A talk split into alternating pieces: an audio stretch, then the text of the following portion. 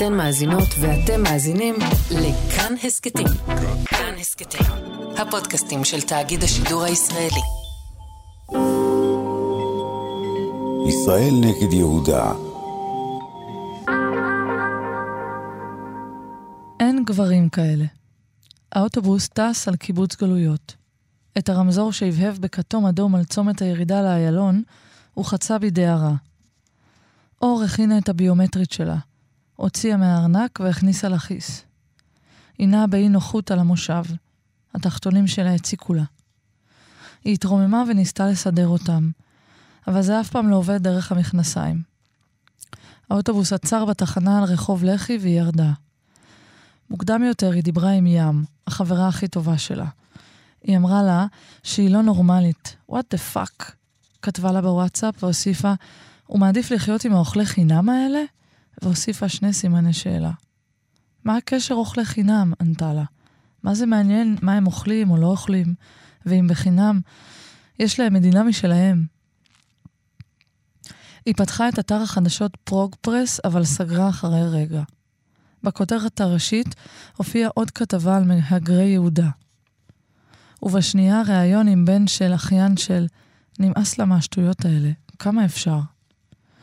היא הייתה סקרנית בקשר לבחור, ובכל מקרה לא יכלה יותר לסבול את אלה שהאפליקציה הציעה לה ברדיוס תל אביב-ישראל, כאלה שחושבים שהשמש זורחת להם השכם והערב. כל הבחורים שיצא איתם, בטווח הזה, היו עסוקים בעצמם ולא ראו אותה. לא הסתכלו עליה אפילו. ליטרלי לא הרימו מבטם לכיוונה. אבל למה את צריכה לפגוש אותו שם, לא הבנתי. ים המשיכה לטרטר לה בהודעות, אבל אור הפסיקה לענות. הם קבעו בקפה בכניסה לשוק. אפשר לשבת שם יחד, כתב לה. אולי דיבור של מתייעדים, חשבה. מהמעט שהתכתבו, ידעה שהוא חוזר, ושהכל קרה סביב שנת ההפיכה, אבל הרבה מעבר לזה לא הוסיף. באפליקציה נתן לעצמו את השם היי hey ג'ו, ואחר כך גילתה שגם לא קוראים אור. ביחד אנחנו פעמיים אור, כתב לה. טוב, לא בדיוק, האמת שקוראים לי אוראל, כתב לבסוף עם אימוג'י סמוק. ממה שסיפר הצליחה להבין שכשהיא הפגינה בקפלן הוא הלך והתחזק. שגר בתל אביב, עשה תואר שני, אבל אנשים באו לו רע. דיברו כמו משובטים. כשהתקרבה אל נקודת המעבר, פתאום לא הייתה בטוחה מה היא עושה שם. אבל כשניגשה אל הסורק, שלפה את הביומטרית כמו באוטומט.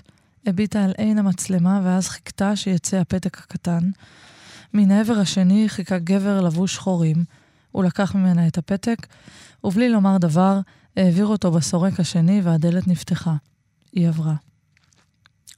בתחילה הכל נראה אותו דבר, אבל ככל שהתרחקה מהמעבר, הבחינה שהרחוב הומה גברים.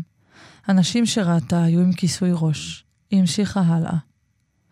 אור זיהתה ממרחק את השלט של הקפה, ועוד לפני שממש הבחינה בו, חשה במבטו. עיניים יוקדות. כששכבו על גבם, על המיטה הצרה, רצתה לשאול מתי ייפגשו שוב ולהזמין אותו לחצות את המעבר אליה בפעם הבאה. אבל אור שתקה ולא אמרה דבר. גם הוא שתק, ומרגע שהתנתק ממנה, דממה עמדה בחדר. החדר התמלא אור כתום של שעת שקיעה, היא הקשיבה לנשימות. רעד עבר בה והתכסתה בשמיכה הדקה. כשהסתובבה אליו לבסוף, ראתה שעיניו עצומות. משהו בה נרגע. הוא רק עייף, חשבה, ושחזרה שוב רגעים משיחתם בקפה. היא לא זכרה מתי מישהו התעניין בה ככה.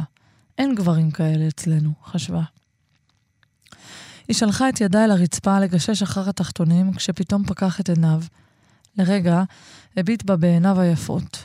עיניה זהרו, אבל מיד אחר כך הסב את פניו ממנה, הסתובב אל הקיר, ומשך אחריו את השמיכה הדקה, עוד ועוד ועוד.